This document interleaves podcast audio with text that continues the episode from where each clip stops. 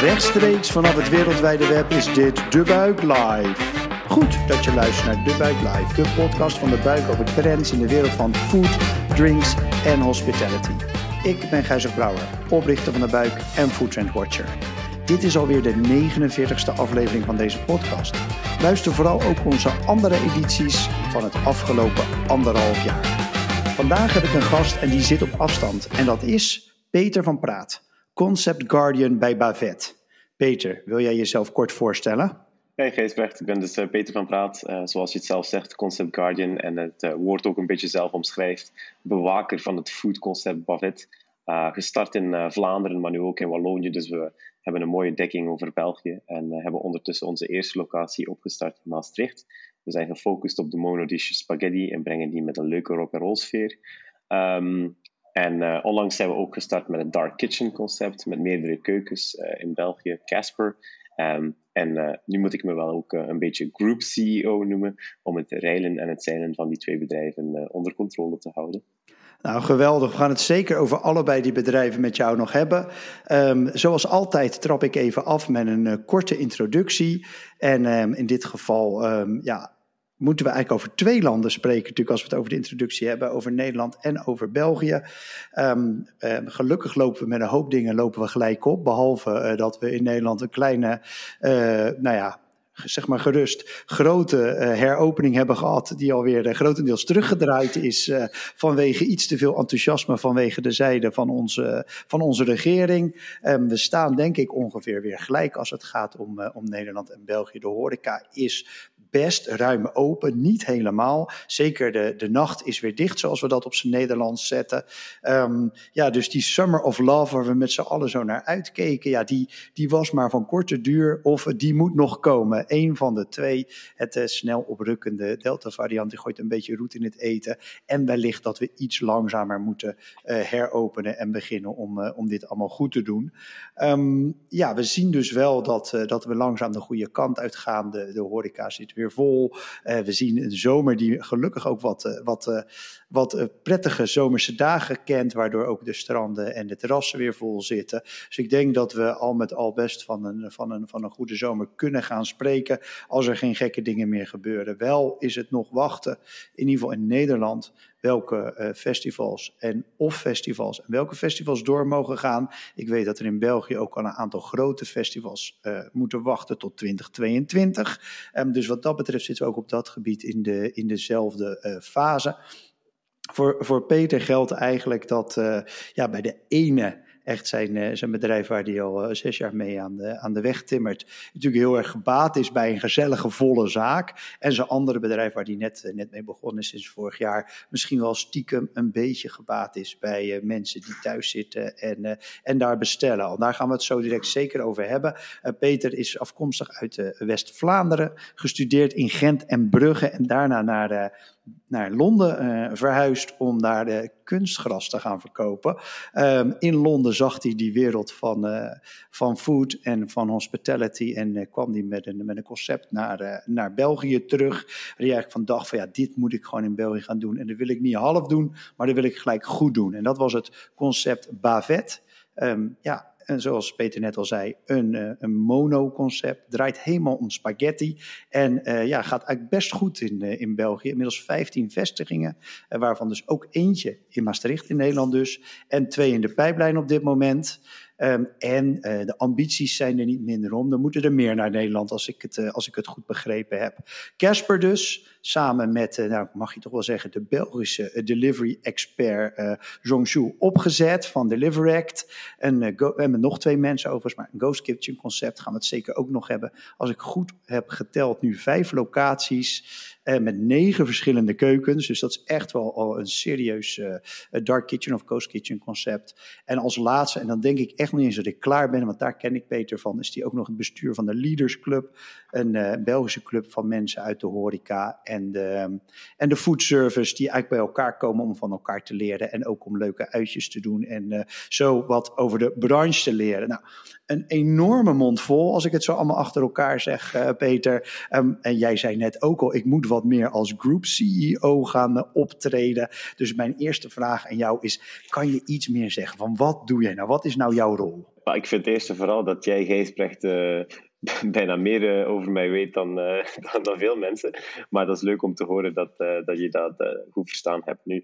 Um, hoe zie ik dat een beetje group CEO? Ik denk, um, ik denk, we hebben natuurlijk twee entiteiten op dit moment. En voor mij is eigenlijk Nederland ook een derde entiteit. Dus uh, uh, het is een heel andere markt die ook anders gaat moeten bestuurd worden, die ook anders gaat moeten geïntroduceerd worden met ons merk.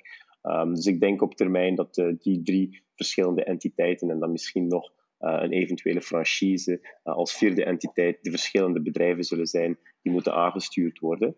Uh, we hebben ook deels een, de productie in eigen handen van onze sauzen enzovoort. Dus dat is ook nog een apart vehikel in het productiegedeelte. Um, dus als je men, hoofdzakelijk gaat kijken, wat ik ga doen, is het voornamelijk over strategie gaan nadenken. En echt wel Um, die strategie mee uittekenen samen met de board of directors. Uh, en natuurlijk ook de rechtstreekse link zijn met de investeerders. Um, ik denk dat ik ook nog een heel leuk van het finance gedeelte samen met onze interim CFO op mij neem, om, uh, om er toch voor te zorgen dat de grote lijnen van ons businessplan kunnen uitgetekend worden. Uh, maar dan natuurlijk ook, uh, ik denk, eh, ja, een goede tandem vormen, hoe wij dat hier noemen op zijn, op zijn Vlaams, samen met onze COO, die eigenlijk instaat voor de dagelijkse operaties en het dagelijkse besturen van ons bedrijf.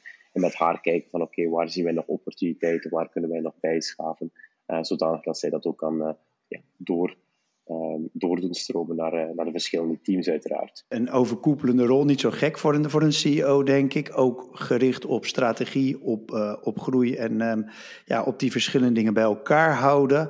Um, ik denk dat het niet gek is om te zeggen dat Bavet de, ja, de kurk is waar jullie op drijven, het centrale element.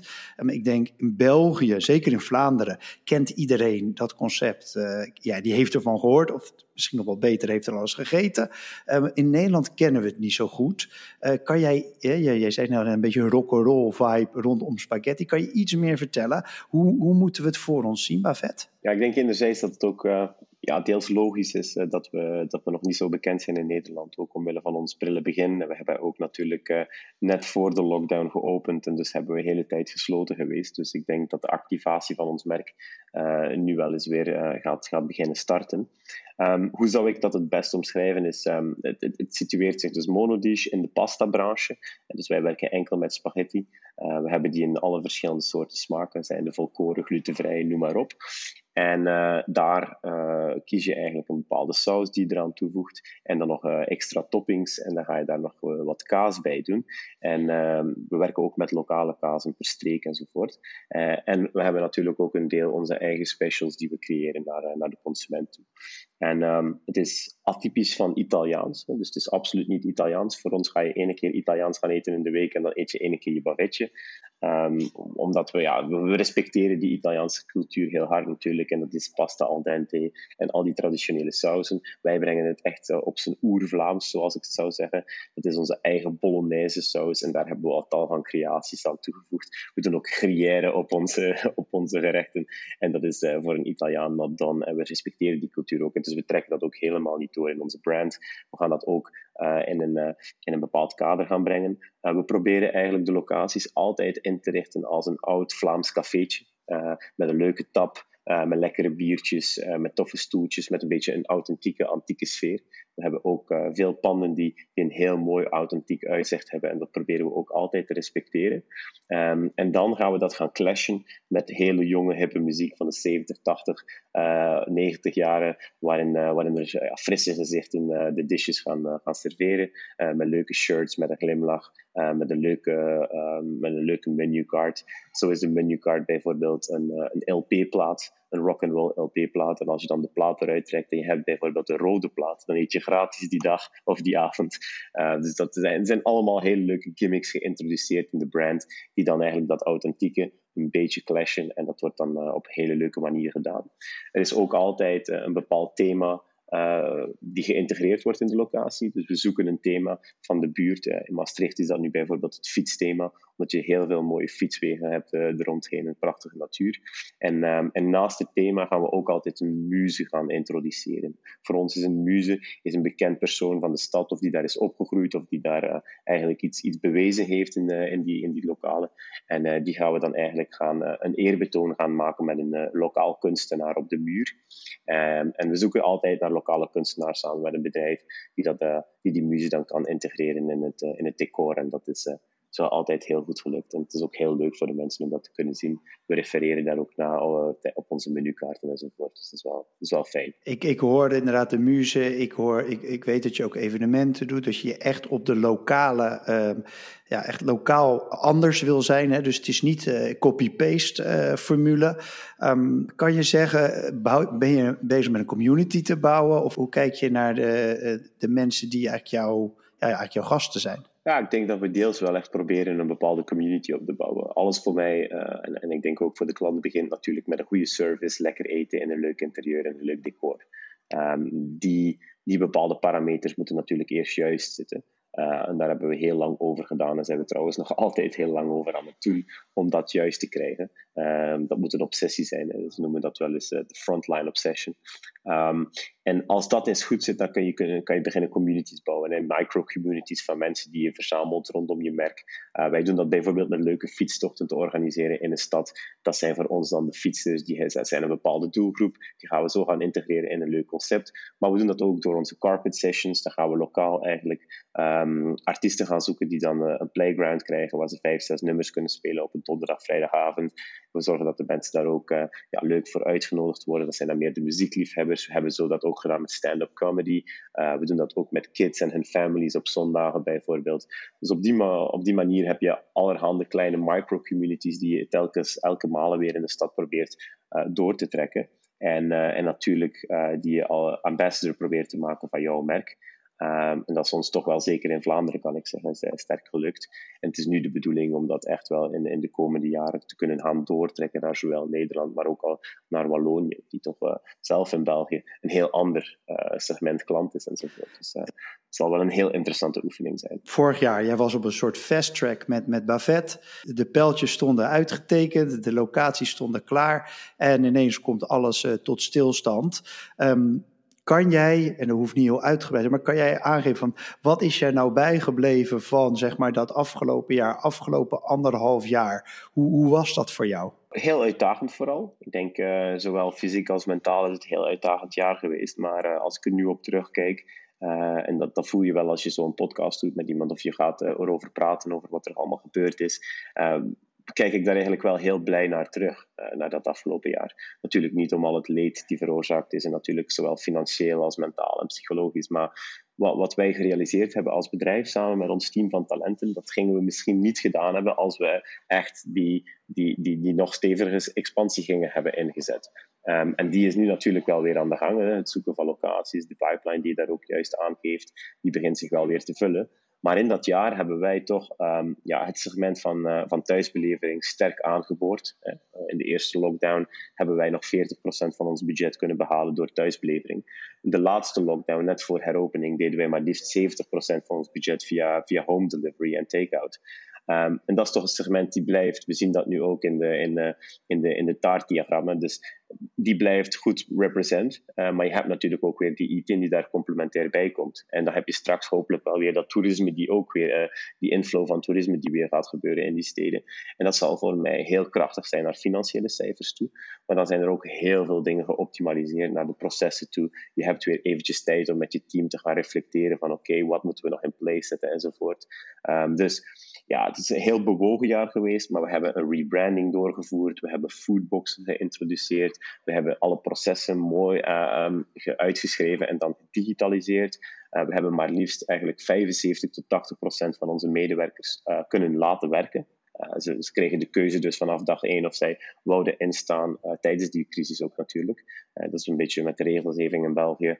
Um, hebben we dat toch op die manier kunnen oplossen. Um, dus dat, daar ben ik heel fier op. Ehm, we hebben nu een heel HR-plan opnieuw uitgeschreven. Ons laatste fysieke event uh, hebben we uiteindelijk twee weken geleden kunnen doen doorgaan. Want we hadden eigenlijk net voor de eerste lockdown een skireis gepland met het hele team. Dus uh, nu was het een uitje naar de zee in België. Maar um, ja, ik, ik kijk er al bij al wel heel goed uh, op terug. En ik, zie het als een, een, leerproces die we doorgemaakt hebben en uh, waar, we, waar, we, heel fier op kunnen zijn.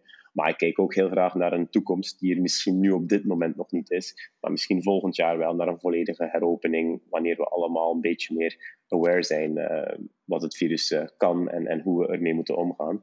Um, en uh, dan hoop ik dat dat uh, ja, zich zal vertalen natuurlijk in het zakencijfer. Je hebt eigenlijk, als ik goed luister, heel veel tijd gestoken. Enerzijds hè, om de, de business overeind te houden. Maar anderzijds eigenlijk ook meteen doorgeschakeld. En je zegt van nou, en je noemt HR, operations, processen.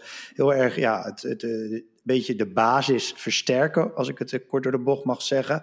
Um, en daarnaast heb je ook gelijk op een nieuwe, ben je gelijk op een nieuwe uh, paard gaan wedden, om het maar zo te zeggen. En ben je ook in, uh, in, in de hoek van de, van de Ghost Kitchens en de Dark Kitchens gestapt met Casper. Kan je daar wat over vertellen? Project Casper was eigenlijk een, een intern project binnen Bavet, die ontstaan was in 2019. Um, omdat ik heel sterk de markt aan het volgen was in, uh, in de US en in de UK.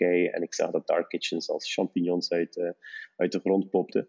Uh, en toen had ik het hier geïnitieerd voor de board. En ik zei van kijk, er zal een moment komen dat, um, dat de, de, deliveries, onze keukens operationeel um, gaan, gaan, hoe zou ik zeggen, overcrowden. Waar eigenlijk er gaat een moment komen waarin je eigenlijk zoveel sales zal hebben in delivery dat je de service en je experience in je stores en je winkels niet meer gaat kunnen uh, ten goede doen.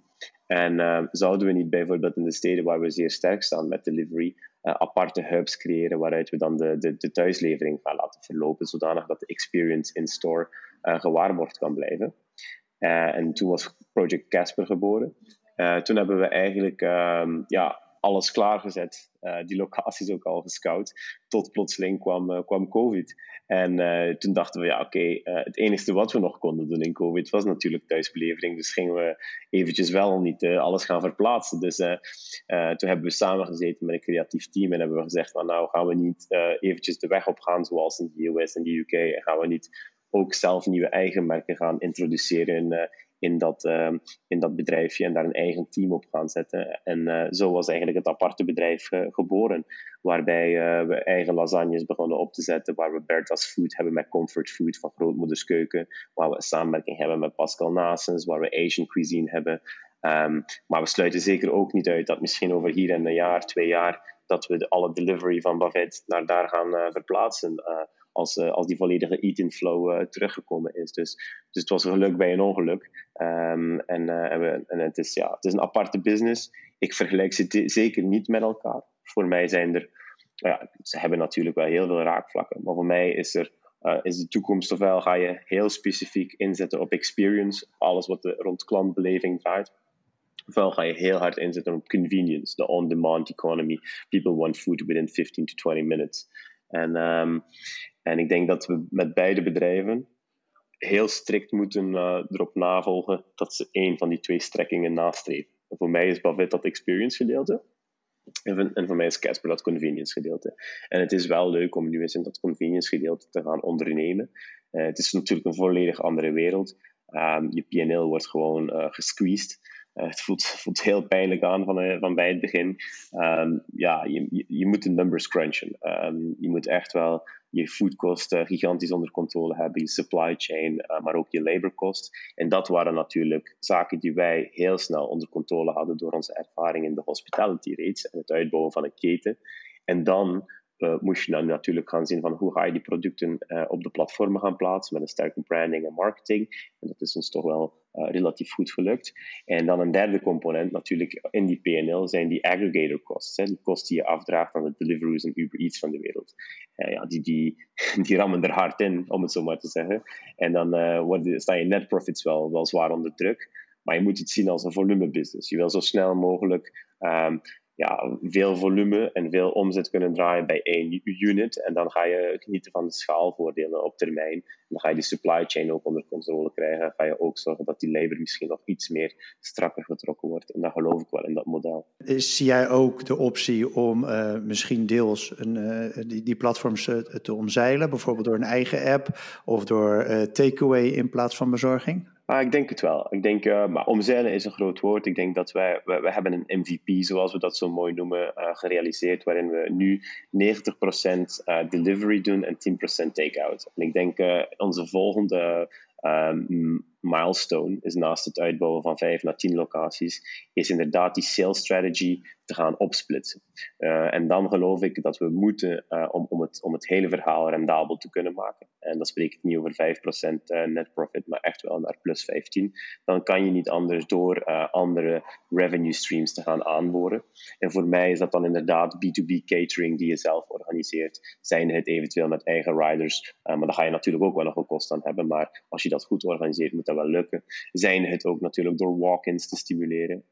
ik denk in Nederland en België kan je echt wel nog panden tekenen. Uh, het is die, die, die, die nog een, een, mooie, um, zou ik zeggen, een mooie visibiliteit hebben op straat. Anders dan in Amsterdam, Londen, Paris. Uh, ja, dan, dan is dat verschil te groot. Dus dat kan je al niet meer. Dus ik denk dat daar nog een opportuniteit ligt in die walk-ins, in die pick-ups, in die pre-orders, in die B2B catering, zoals je aanhaalt. Um, maar het hele verhaal rond eigen riders inzetten voor ehm, B2C-levering, daar zijn wij iets avers over. Um, we zijn wel natuurlijk, we weten in Nederland dat het wel gebeurt, dus het is een andere markt bij jullie. In België ligt hier de loonkost gewoon veel te hoog om dat te gaan doen. En ook naar verzekeringskwesties toe is dat iets te moeilijk. Uh, en ik geloof ook dat, uh, dat de Deliveroo's en de Uber Eats en zelf ja, takeaways ermee bezig. Um, ja, dat, je, dat je hun riders ook, dat zij hun riders ook op een, op een termijn gaan, gaan outsourcen, waar jij ze dan kan gebruiken tegen een lagere kost. Zodat de sales eigenlijk niet meer binnenkomen via het platform, maar eigenlijk rechtstreeks via jouw platform. En dat je dan gewoon, als je een goed fleet management systeem hebt, uh, voldoende mensen zult hebben op de baan om, om die orders te allokeren. Dat is allemaal lange termijn muziek natuurlijk. Dus, um, maar ik geloof inderdaad dat het uh, model nog rendabeler kan zijn of sterk rendabel kan zijn als je, als je een split-up doet van je verschillende revenue streams.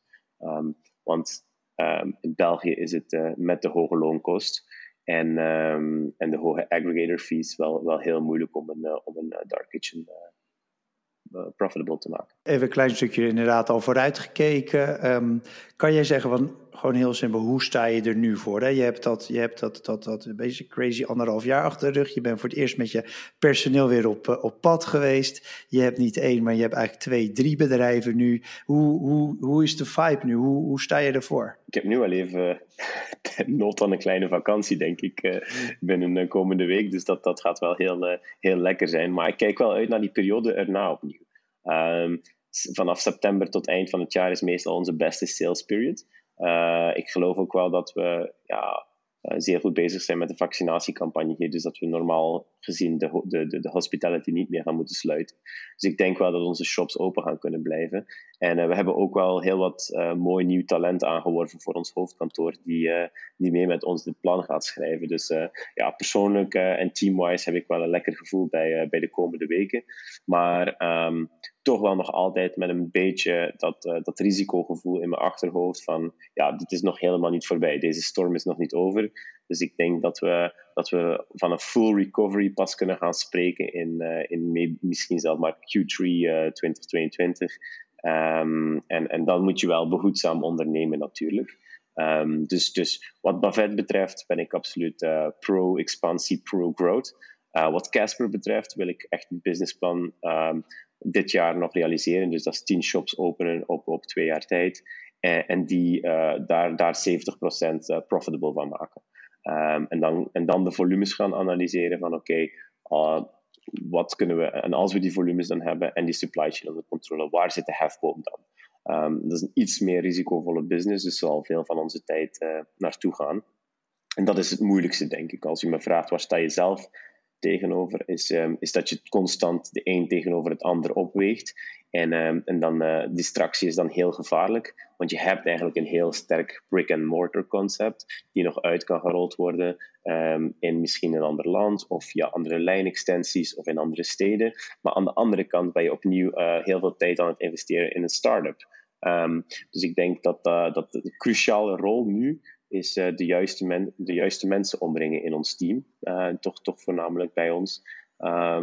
Die, die, die mee dat verhaal kunnen schrijven en waar je opnieuw strategische rol kan innemen, eerder dan een, uh, ja, dan een, een fireman rol, waar je brandjes gaat blussen of om, de, om de vijf dagen en zo. Maar, maar dat vind ik wel leuk, zoiets doen, zoiets bouwen vind ik wel, vind ik wel leuk. Je klinkt ook iemand die gewoon heel erg in de, de regie pakt en, en ook echt, echt verschillende scenario's door, door zijn hoofd laat gaan. Um, dat dat uh, impliceert natuurlijk dat je veel bij jezelf houdt. Maar zijn er ook dingen die jij van anderen verwacht? In de zin van, kan de Belgische of de Europese overheid nog iets doen? Of is er in de branche nog iets waardoor we nou ja, misschien in deze situatie of in het algemeen stappen kunnen zetten? Ja, dat is een goede. Um, ehm, ik denk dat, uh, dat wij echt wel mogen opkijken naar jullie, naar Nederland. Uh, de professionalisering van de hospitality is, is echt al een, een heel stuk verder ingezet dan bij ons. Dus ik denk dat wij daar veel van kunnen leren, onder andere door trendtours die we opzetten met horeca-ondernemers, met meerdere entiteiten, dat we kunnen zien van oké, hoe wordt dit allemaal georganiseerd? En zo krijgen wij ook de supply chain mee uh, in dat verhaal van oké, wij zijn professionele horeca en uh, wij groeien rap. Dus ja, wij betalen misschien onze factuur maar op 30 dagen, maar we, er is niks meer in cash. Wij respecteren de looncontracten in X, Y, Z.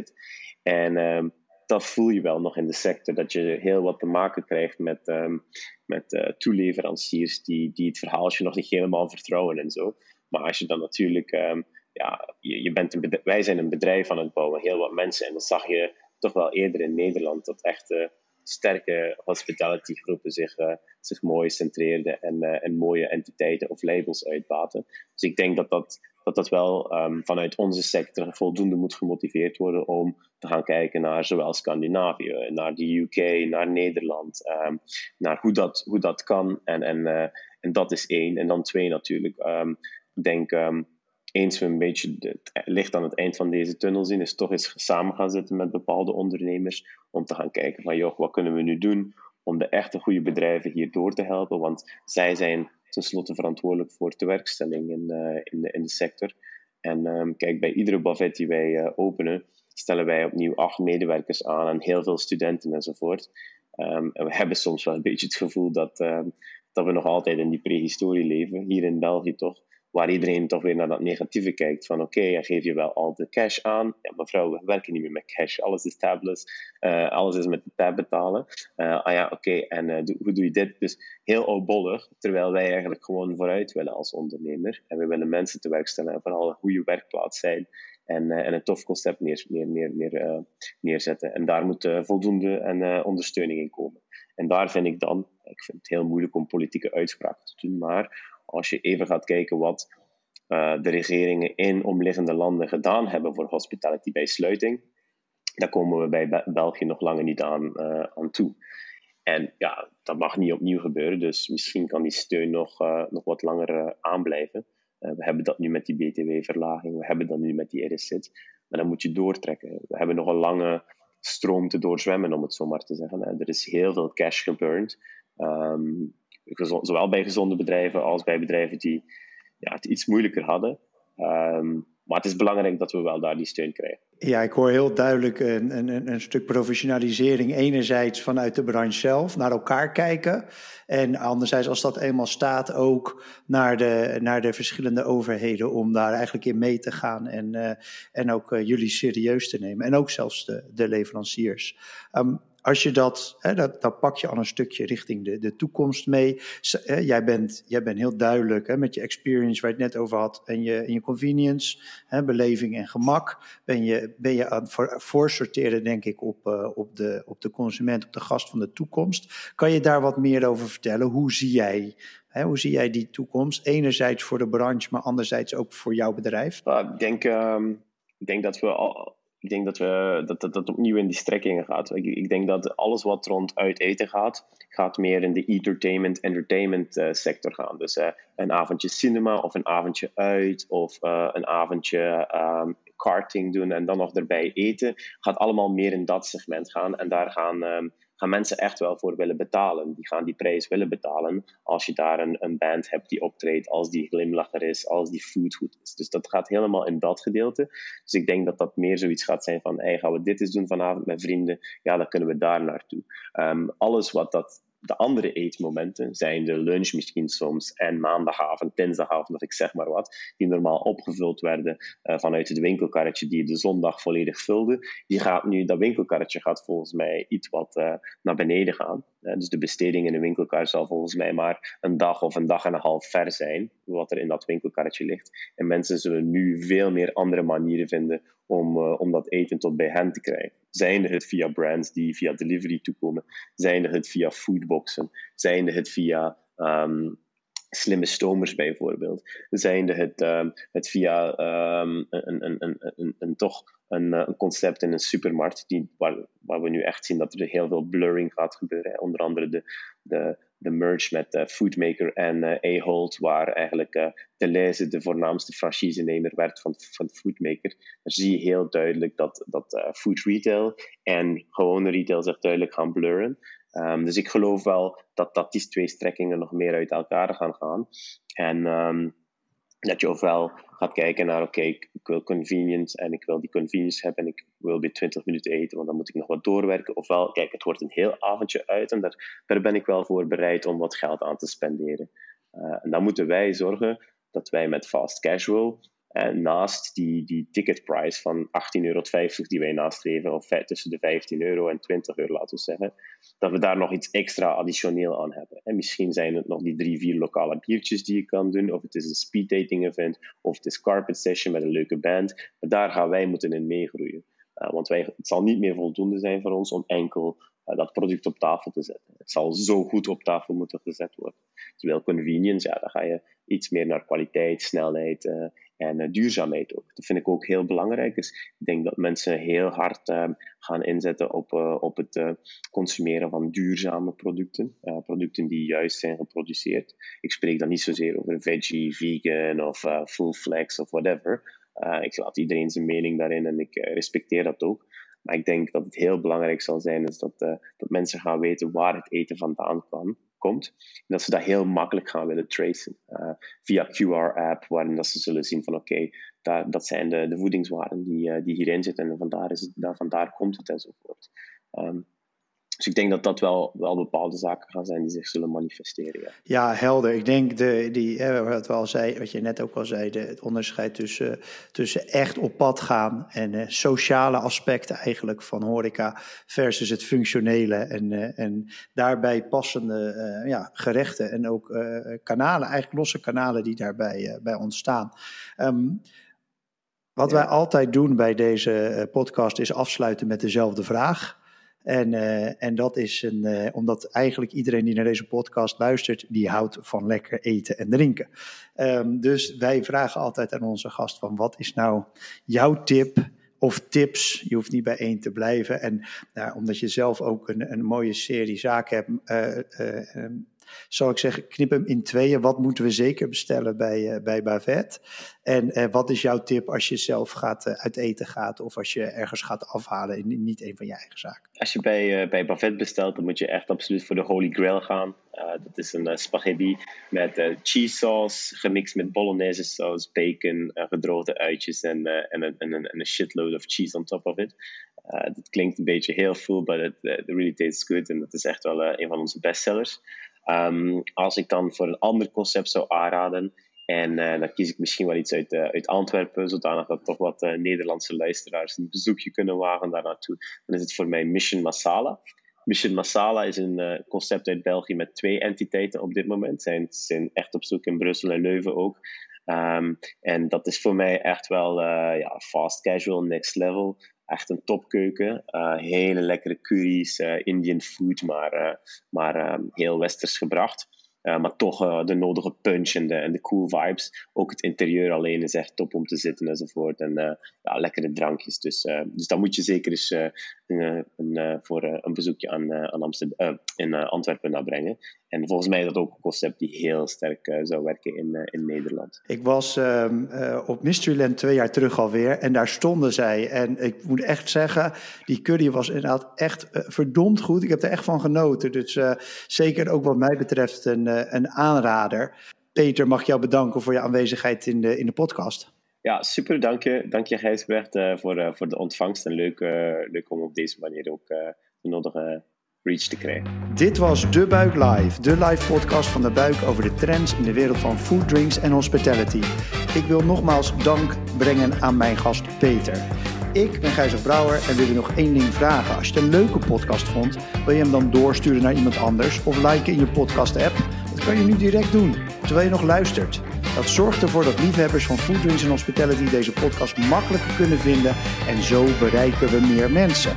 Heb jij nog een onderwerp waar we het over moeten hebben? Of een goede tip voor een gast? Laat het ons weten in de comments of stuur mij een berichtje. Dank voor het luisteren en tot de volgende aflevering. Cheers!